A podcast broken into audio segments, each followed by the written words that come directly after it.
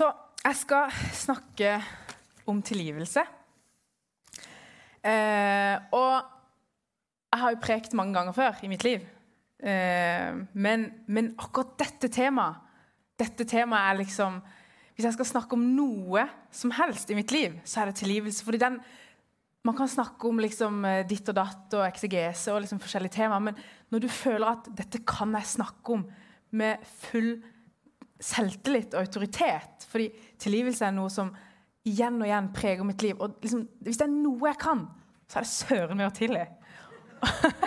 og Derfor er jeg så sykt glad for at jeg fikk det temaet her. Eh, så jeg sier ikke at jeg er noen ekspert, og jeg er bare 30 år, men jeg, jeg tror akkurat på tilgivelse så har jeg opplevd masse crazy som Gud vil at jeg skal bruke. Og jeg har virkelig klart å snu det om til noe godt, hvor jeg kjenner at uh, tilgivelsen er liksom kraften i dette som Gud vil at jeg skal lære gjennom dette. Og det har gitt meg så sykt mye i livet.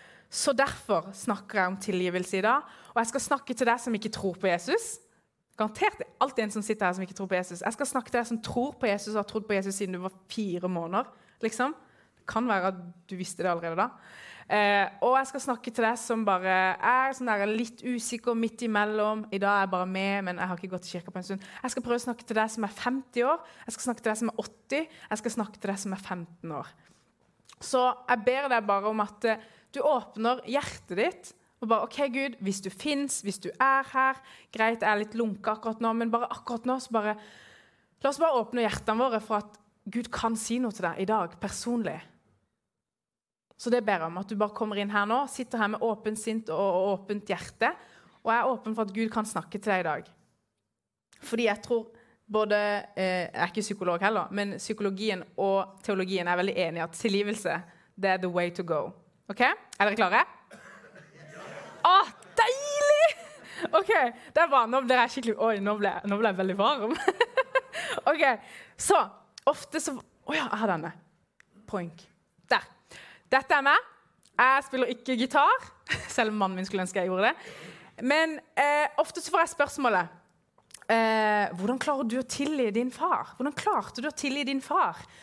Eh, og Det er et veldig, veldig interessant spørsmål. Så, men før jeg går videre på det spørsmålet og svarer på det, så la meg fortelle litt rundt om dette. Eh, jeg kom til Norge i 1996 som kvoteflyktning med familien. Eh, da var jeg rundt tre-fire år gammel. Eh, og jeg hadde en far som var liksom sånn der, han var en geriljaleder. skjønner du? Han var en kriger, han var en sanger og en poet. Og han var en konge der vi kom fra. Og så kommer vi til Norge, hvor han ikke kan han kan ikke jobbe, han kan ikke språket. Han er naver plutselig. Fra konge til naver. Skjønner du? Eh, og traumer og sår. Og det leda til at han begynte å drikke. Og han tøy til flaska.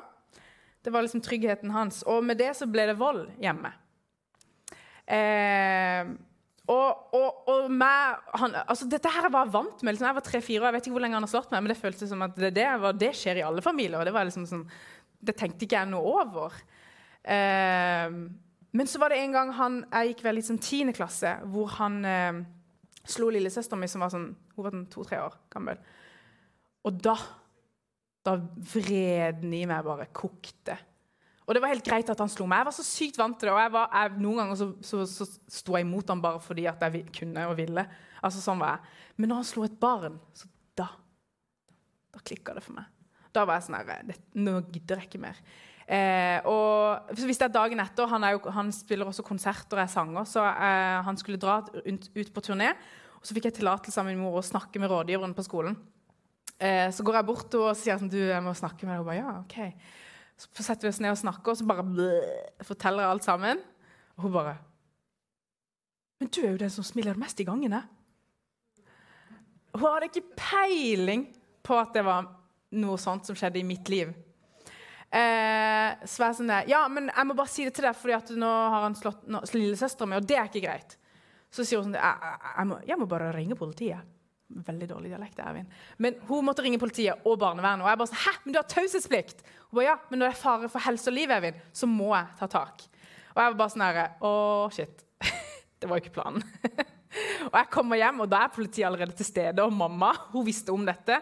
Um, så hun, uh, hun, var litt sånn Å ja, var det dette som skulle skje?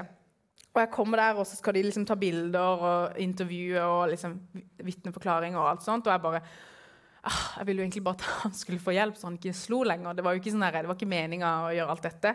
Men sånn ble det, da. Eh, politiet gir et ark til mamma med et eh, kort nummer på.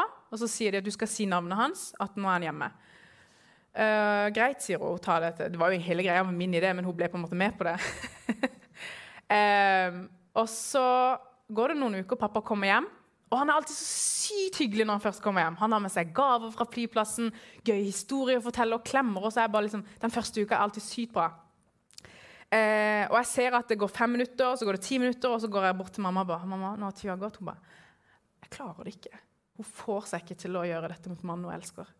Og da var jeg bare sånn Shit, da gjør jeg det. Tar arket fra henne. eh, og så går jeg ned og så ringer jeg til politiet og sier nå er han her. Og de, altså, Det tok ikke mer enn fem minutter. Men det var lengste fem minutter i mitt liv. Her, jeg skjønner hvordan Judas følte seg egentlig akkurat da. Jeg bare venter på at jeg vet at nå kommer de og tar han. Eh, og så ringer det på døra. Han går og tar han og er sånn, oh, yes, da, da, da, da. Og så er det, politiet. De er ikke svilt engang. Det er to politifolk i full kleder og alt. Det, 'Du må bli med oss', sier de. Han bare 'Vil dere komme inn te?' Han er fra Midtøsten. ikke sant? 'Kom og drikk te!' De bare 'Nei, du skal bli med oss nå'. Han bare 'Ja, men kan jeg ta på meg sokker?' Igjen, vi er fra Midtøsten, det går ikke med sokker inne. Eh, 'Nei, du må bli med oss nå'. Så snur de han rundt og tar han i håndjern, og på andre sida av gangen så får han kontakt med meg. Vi får øyekontakt. Igjen, Judas og Jesus, den er og jeg bare, Han ser sviket i øynene mine. For han, han, ser at det er meg som har ringt politiet. Eh, og det ender opp med at det blir rettssak og vitneforklaringer og fengsel i en alder når jeg er sånn 16-17 år. Eh, men årene går. Jeg blir 19 år. drar Øyvind Augland får meg med på DTS til, i Florida. Jeg lever livet mitt. Eh, pappa møter Jesus i en drøm. Ting skjer. Jeg kommer hjem. Og han samler alle oss fire barna. Og han står der og bare Han skal til å be om tilgivelse, liksom. Han sier jeg mente aldri å såre dere. Jeg visste bare ikke hvordan jeg opp, skulle oppdra barna mine. Jeg visste ikke hvordan jeg skulle gjøre det på noen annen måte. Han hadde, men han hadde skjønt at det han gjorde, var feil. Og så ser han på meg. Vi får øyekontakt igjen med tårefulle øyne. Han ser på meg, og så sier jeg, 'Pappa, jeg stopper han.' 'Jeg har allerede tilgitt deg, sier jeg til han. Og vårt forhold i dag er superbra. Så når folk stiller meg det her spørsmålet, hvordan klarer du å tilgi din far?' så tenker jeg sånn Ja, men skjønner du egentlig hva tilgivelse er? Fordi eh, Skjønner du det egentlig? Så Derfor vil jeg ta dere med på det, denne reisen min om hva tilgivelse er, og hva det ikke er. OK? Vi går på hva det ikke er først. Eh, tilgivelse handler ikke om å overse eller se gjennom fingrene. Ja, ja, sånn er det bare. Eller jeg må bare leve i det. Sånn er det bare. Tilgivelse handler ikke om å redusere eller frita den andre for skyld.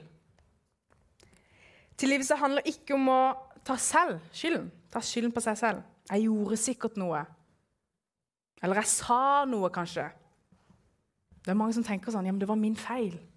Jeg burde visst bedre. Nei, det er ikke det tilgivelse handler om. Tilgivelse handler ikke om å være enig med den som gjorde urett mot oss. Tilgivelse handler ikke om å unnskylde den andre pga. omstendigheter eller bakgrunner. Jeg tilgir ikke min far fordi han var alkoholiker når han slo.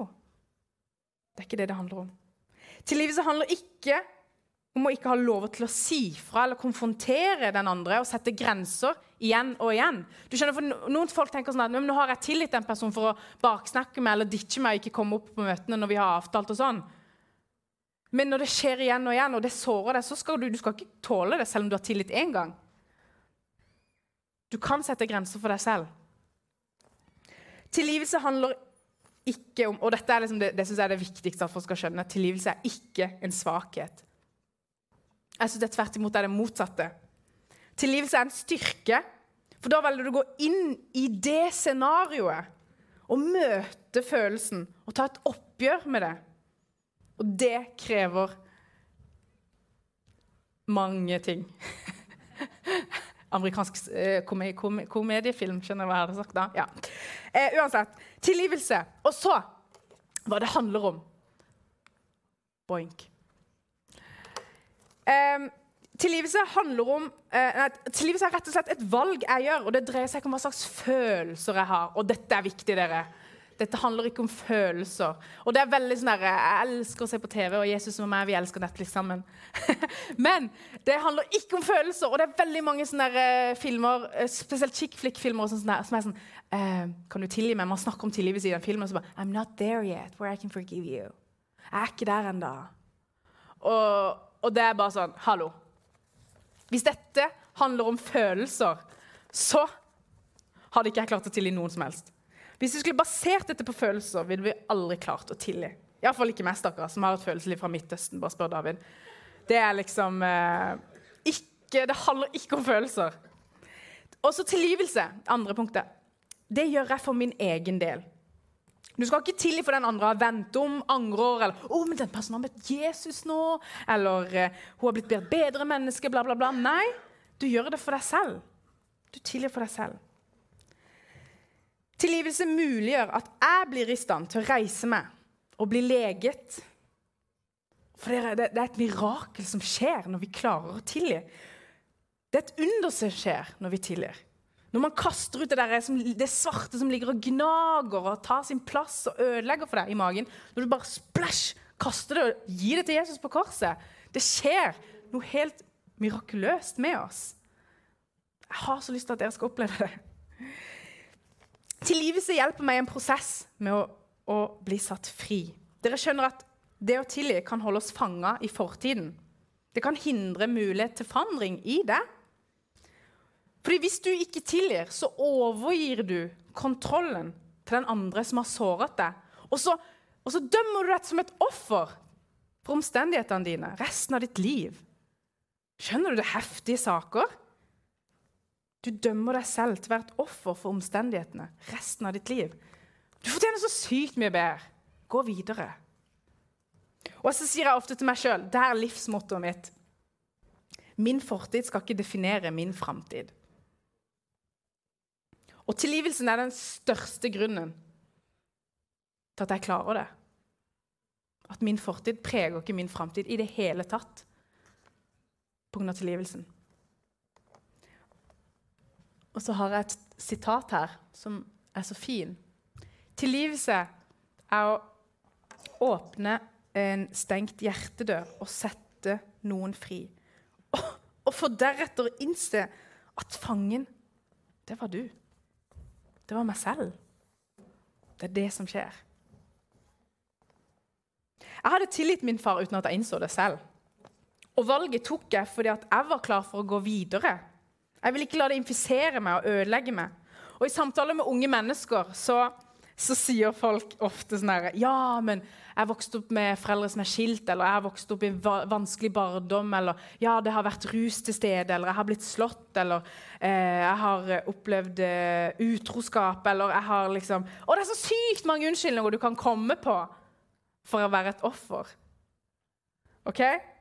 Og da sier jeg til dem at eh, og det er en veldig vanlig måte å tenke på. ikke sant? At, eh, at uh, det er fordi jeg har slitt i min fortid, at uh, derfor jeg har, jeg tar jeg disse dårlige valgene. Og så er det jo noe sannhet i det òg. Men min livsmåte er din fortid skal ikke definere din framtid. Så I samtaler med ungdom som skylder veldig mye på dette, så sier de sånn her Jeg ser at det er ikke så veldig mange 14-åringer her som er på TikTok. Det er noen på TikTok. Men de sammenligner meg med han Andrew Tate er det noen som har hørt om han? Men ikke, ikke alle jeg, Nå mister jeg jobben hvis du tror at det, det er sånn. Jeg er ikke det. Men min søster hun syns jeg er veldig Andrew Tate. For det er veldig sånn, hva er rett og ikke galt i livet ditt akkurat nå? jeg, veldig, sånn, jeg føler liksom jeg passer på alle mine småsøsken. Så hun kaller meg for Andrew Tate. Men hvorfor i huleste lar du dette såret spise deg opp og frarøve deg det livet som Jesus har for deg? Han har så sykt mye for deg. Og så sitter du her og er et offer i hjørnet. Jeg kan ikke gå noe sted. Jeg stoler ikke på noen mennesker. Jeg får ikke puste hvis jeg går ut der. Eller jeg klarer ikke å gå tilbake til menigheten som såra meg. Så derfor blir jeg mitt lille trygge egne hjørne. Så lar du det såret spise deg opp og frarøve deg det livet som Jesus har for deg, som han døde for korset for. Det er så sykt sterkt, liksom. Jeg husker dama i barnevernet når jeg var 18 år. Dette er en så gøy historie. Hun sa til meg sånn derre eh, Nå er jeg 18 år, nå kunne jeg velge om jeg ville fortsette med barnevernet og gå med barnevernet eller, eller avslutte forholdet mitt med barnevernet. Så jeg sa nei, du, jeg velger heller å gå med Jesus, jeg, så jeg trenger ikke dere. Og hun bare OK. Hun ble litt sånn nysgjerrig, tror jeg. Så hun var sånn der, Ja, men hva er planene dine Hva er planene dine videre? Så sier jeg sånn Nei, du, jeg, jeg tenker at jeg skal, jeg skal, gifte meg ung med en sånn skikkelig god kristen norsk mann. Og så skal jeg få barn tidlig, og så skal vi få et hvitt hus med hage. Og hun bare Åh, det er så fin tanke. Men mest sannsynlig så havner du med en mann som slår deg og drikker. Hun sa det! Og så er det sånn her, Hun kunne brukt litt sosiale antenner, men jeg klandrer henne ikke. For dette her er historien den sekulære verden forteller oss. At du er et offer for omstendighetene dine. Du er et offer. Og det er statistikken også, ikke sant? Men tilgivelsen, korset Det Jesus gjorde på oss på korset Det stopper den sekulære historien. Det legger lokk på det, for det er ikke sant. Tilgivelsen kommer inn. Tilgivelsen som Jesus gir oss, og som vi gir videre. Din fortid definerer ikke din framtid. Amen! Ja, det er så deilig! Det er så deilig. Så må vi gå tilbake litt til Bibelen, for jeg er bare 30 år, så jeg må bare vise litt til Bibelen. og sånn, fordi jeg er bare 30 år. Ok, Så hva sier Bibelen om tilgivelse? Der. Matteus 6,12. Jeg er veldig glad i Matteus. Eh, 6,12. Der er vi midt i Fader vår. Og tilgi oss vår skyld slik også vi tilgir våre skyldnere, står det. Gud tilgir oss, men det innebærer også at vi må tilgi. Og denne bønnen, Fader vår, den ber vi ganske ofte. Så tenk på det neste gang du ber denne bønnen. Det er jo ikke bare ord, det er kraftige saker. Og Det er også snakk om tilgivelse i eh, syndenes forlatelse. Det evige liv. I nattverden snakker vi om tilgivelse. En av sakramentene. liksom. Det er bærebjelken i kirka. Ordet, dåpen og nattverden. I Matteus 26, 26-28 står det mens de holdt måltid, tok Jesus et brød, takket og brøt det, ga disiplene og sa, ta imot og spis. Dette er min kropp han tok et beger, takket, ga dem og sa, 'Drikk alle av dette, for dette er mitt blod, paktens blod, som ble utøst for mange, så syndene blir tilgitt.'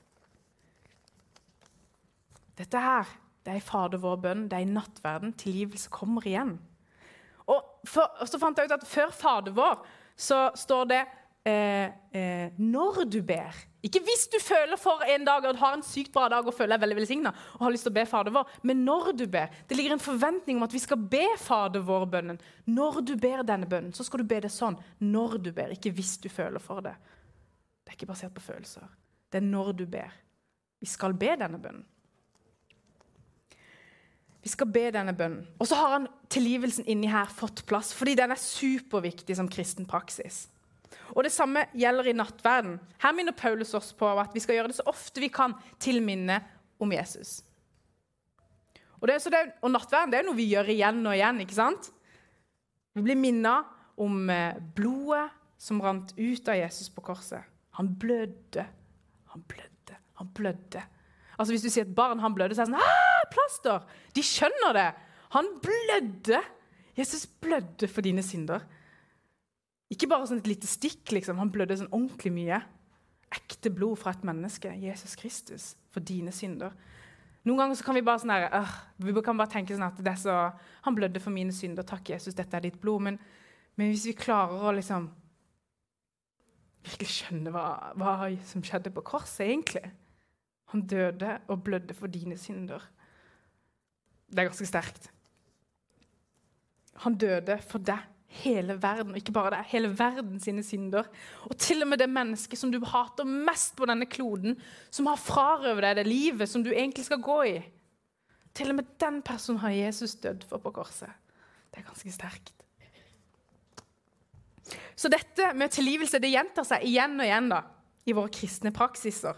Fordi vi kontinuerlig skal bli, bli minnet på bli minnet på at vi skal gjøre det. Igjen og igjen og igjen. og igjen.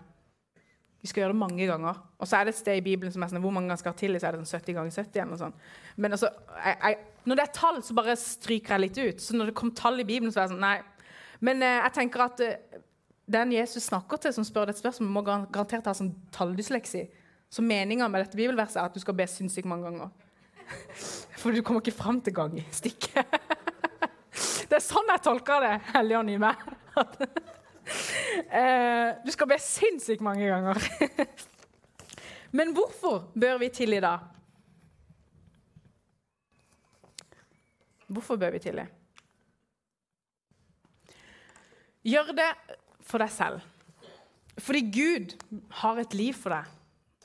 Han har et liv, og han har, han har en plan for deg. Og at du skal bli gammel gretten dame eller gretten mann i et hjørne det vil forhindre deg å gå Guds planer for deg og ditt liv. Det vil spise deg opp og ødelegge deg. Og ikke bare det, men relasjonene dine og folk rundt deg òg. Det er liksom som en sånn derre Det er som Hva skal jeg kalle det? Det er liksom bare sånn mørke som påvirker deg uten at du vet det. Så påvirker det andre rundt deg, for de merker at du er gretten. Da vil ikke folk være med gretne folk. Ok? Hvis du er sånn at alt er kjipt, og alt er alle andres skyld og det bare Nei! Dropp det. Og så tror jeg at noen ganger kan folk slite med å tilgi fordi at uh, de har faktisk ikke tilgitt seg sjøl.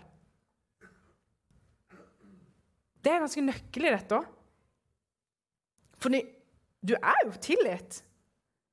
Jesus har tilgitt deg. Kanskje mennesket som du har såra, har tilgitt deg. Hvorfor har ikke du tilgitt deg sjøl? Hvis ikke du tilgir deg sjøl, så fornekter du egentlig det som skjedde på korset. Skjønner du? Det er dønn seriøst, dette her. Hvis ikke du tilgir deg sjøl, så fornekter du det Jesus gjorde på korset for deg og ditt eget liv. Så dette her er ikke basert på dine følelser. Du skal tilgi. Du er tilgitt. Så hver eneste dumme ting du har gjort, alt du klandrer deg sjøl for å ha gjort, det døde han for. Han bærte dette på korset. Vi sier det, han bærer det på korset. Noen ganger så pleier jeg liksom å sånn kaste det sånn fysisk på korset. Det hjelper litt. liksom, han har tatt det. Han har tatt, I dag morgen hadde jeg så sinnssykt dårlig morgen. Altså, David er ved lovsang, så han er her klokka ni. Og jeg, kom, og jeg, jeg skal stå opp med ungene, og jeg har egentlig ikke forberedt meg, for jeg var på frik her til klokka sånn 11-12 på kvelden. Og jeg bare sånn, jeg må bare øve. Jeg må bare, okay, kanskje jeg skal bare lese Bibelen, liksom. Og, bare, og ungene kommer, og de har ha lyst til å søle, spise kjeks på senga mens jeg står og leser Bibelen. Og jeg bare Nei, dette går ikke. Men det er ikke basert på våre følelser, dette her. Halleluja. Han har båret våre byrder. Han har båret våre byrder på korset, så du skulle slippe å bære så tungt. Og så går vi rett, rett, Jeg liker det veldig sånn praktisk. så Nå har du snakka lenge, Eivind, med hvordan. Hva skal jeg gjøre med dette? Eller en sinnssykt bra informasjon du har kommet med nå, Eivind. Hva skal jeg gjøre med den? Jo, nå skal du høre. Eh, rent praktisk, så når du skal tilgi, så er det best å være to. Og det er at Jesus sendte aldri disiplene alene. Alltid to og to, fordi dette lever er ment å leve i fellesskap. Sammen er vi sterkere. Det er veldig klisjé, men det er sant. Og det har jeg fått kjent på. Vi leser, vi, når vi skal lese Bibelen, vi sliter med å lese den litt sånn alene. Men det er jo egentlig fordi at her er Bibelen i begynnelsen så var den ment å sitte sånn her. Og så leser vi sammen. Og så, man, og så, skal vi grunne på Guds ord sammen. Det var sånn den var ment for å lese. Ikke at du sitter i ditt lille, trygge hjørne på soverommet ditt og komfortable liv, vekk fra mennesker som har såret deg, og alt, og bare dette er til meg. Nei, vi skal lese det sammen. Så to. Hver to. Vi sliter også med å trene. Jeg vet ikke om dere er sånn. Uh, alene. Trene alene, det får jeg ikke til. Venninna mi hun har sagt sånn, vi skal trene tre ganger i uka. Jeg bare, jopp, jeg er med. Og så sier hun sånn, jeg jeg får ikke til i dag, men her er treningsopplegget. Jeg bare, nope. Det kommer ikke til å skje. Jeg skal ikke trene uten det. Jeg gidder ikke engang å prøve. Det er så demotiverende. Jeg trenger et annet menneske å være med når jeg skal trene. Eh, og det samme tenker jeg da at eh, Selvfølgelig med trening og, og sånn, da kan man ta det med tilgivelse. Være to. Eh, og det her er noe som katolikkene er ikke så veldig katolske i det hele tatt. altså. Men det er noe de har skjønt her. De, de går til eh, bekjennelse.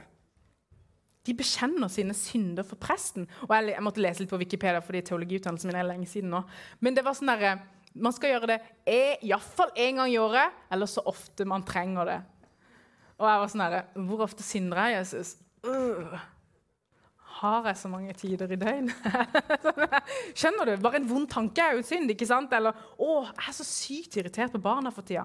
Jeg burde egentlig bare ha en prest hjemme hos meg. Skjønner du? Sånn at uh, de har skjønt det. Jeg, akkurat, akkurat, det der med repent, det er jeg så fan av. Eh, så vi trenger et annet menneske som du kan gå til fysisk og bare Vet du hva? Dette sliter jeg med. Så ha et annet menneske som du bekjenner til, som kan hjelpe deg å be. Og tilgi den som har såra deg. Enten om det er noen av ledere i menigheten du vil gå med i dette, eller en venn, eller i dame-mannegruppa, noen du kjenner i familiegruppa. Eller, det kan være hvem som helst. Og vi har også tilbud. Vi skal ha forbønn i hjørnet her etterpå. Der kan du også komme fram. Så kan vi hjelpe deg i denne fasen i livet ditt. Fordi det er bare å komme i gang. Bare ta det steget i tro. For du kommer ikke noen vei hvis ikke du tar det steget. Og det er superubehagelig, dette her med tilgivelse. Det er kjempeskummelt. Tre krever masse mot og styrke. Men jeg lover deg, du kommer seirende ut av det. Med hevet hode. For det kommer til å sette deg fri. Og gjør det fordi Because you're worth it. Herbal essence. ok? Fordi du fortjener det. Du fortjener i går det kallet som Gud har for deg. Ok? Ta dusj deg med Den hellige ånd. Bli ferdig med det og gå videre. Du fortjener det. Så da har jeg en refleksjonsspørsmål, for det er veldig pedagogisk. har jeg hørt. Om. Er det noen jeg trenger å tilgi? Svaret er garantert ja. Det er garantert noen du er irritert på litt her nå sånn lit, et lite sår som gnager litt sånn i høyre skulder, som du bare kjenner sånn å, Hver gang en person bare sier det ordet der, så bare kjenner du må du bare gå videre. Ikke la det bære nag, liksom. Eller sånn der, Det var noen som sa et eller annet til meg for, Dette er ikke min historie, altså. Men var, noen sa noe til meg forrige uke. Eller den personen sa vi skulle møtes egentlig for fem dager siden, men dukka ikke opp. Det er sånne ting da, ikke sant? Det er sånne små ting som ikke vi tenker over at folk sårer oss, men du tenker på det, for du bærer jo egentlig nag. Og så Samtidig så er det ikke rettferdig over det andre mennesket at du bærer nag for noe den andre ikke vet at den har gjort. At den personen glemte den avtalen, f.eks. Kanskje det skjedde noe, men det har såra deg, og du går rundt og bærer nag for det mennesket. og derfor neste gang den går forbi, så prøver du å unngå det mennesket. bare sånn, nå ser jeg ikke i barnehagekøen der. Men det er ikke rettferdig, for den personen vet ikke hva den har gjort. Så istedenfor å la den personen gå rundt og tenke på sånn, hva i huleste har skjedd, er det noe galt med bla, bla, bla. Det er ikke kjærlighet. Det er ikke å elske mennesker. Skjønner du? Tilbake til hvorfor vi snakker om å elske mennesker. Det å elske mennesker er å si sånn Du, eh, for fem dager siden så glemte du den avtalen. og Det er sikkert en god grunn til det, men jeg må bare si at jeg ble dypt såra av det, egentlig. Så jeg vil bare si at eh, kanskje neste gang at vi kan bare bare prøv å ikke glemme det igjen, for det gjør noe med meg. Men, uh, og da blir det andre mennesker sånn Hæ?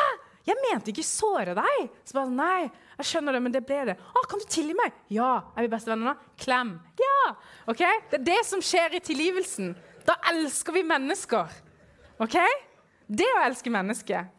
Det å elske mennesket, og det å være en menighet. da. Fordi vi, Han sa det for Koltveit forrige gang. Er det noen her som har vært såra av noen i menigheten? Det er så sykt mange armer oppe. Ikke, la, ikke gå rundt og bær nag. Møt det andre mennesket ansikt til ansikt. Snakk om det. Tilgi hverandre, og så klemmer vi.